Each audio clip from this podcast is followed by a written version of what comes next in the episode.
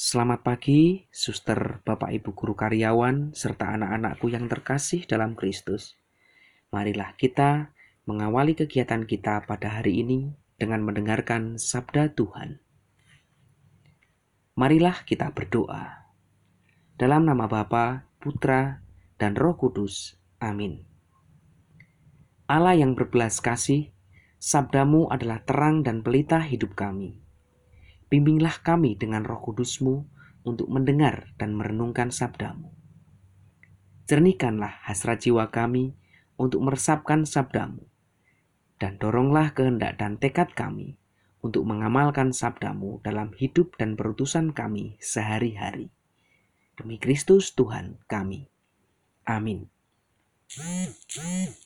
Inilah Injil suci menurut Lukas. Dimuliakanlah Tuhan. Ketika hampir genap waktunya diangkat ke surga, Yesus mengarahkan pandangannya untuk pergi ke Yerusalem. Diutusnya beberapa utusan mendahului dia. Mereka itu pergi, lalu masuk ke sebuah desa orang Samaria untuk mempersiapkan segala sesuatu baginya. Tetapi orang-orang Samaria di situ tidak mau menerima dia karena perjalanannya menuju Yerusalem.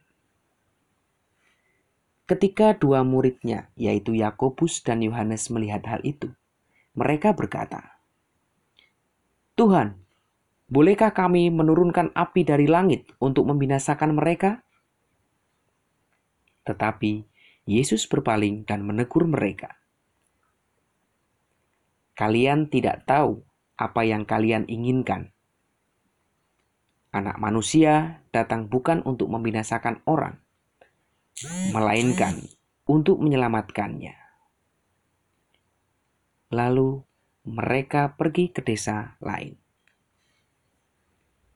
Demikianlah Injil Tuhan. Terpujilah Kristus. Suster, Bapak Ibu guru karyawan, serta anak-anakku yang terkasih, Ketika kita melihat situasi yang tidak sesuai dengan rencana, tak jarang kita merasa sangat kecewa dan marah. Kita merasa bahwa dengan meluapkan kemarahan, persoalan menjadi selesai dengan baik. Kenyataannya tidak demikian. Justru sebaliknya, ketika kita marah, persoalan akan menjadi bertambah. Kedewasaan kita sering kali diukur dari kemampuan menata kemarahan. Nah, sebagai refleksi dalam hidup kita, beranikah kita mengendalikan rasa amarah ketika menghadapi persoalan? Semoga Injil Tuhan pada hari ini dapat meneguhkan iman kita. Amin.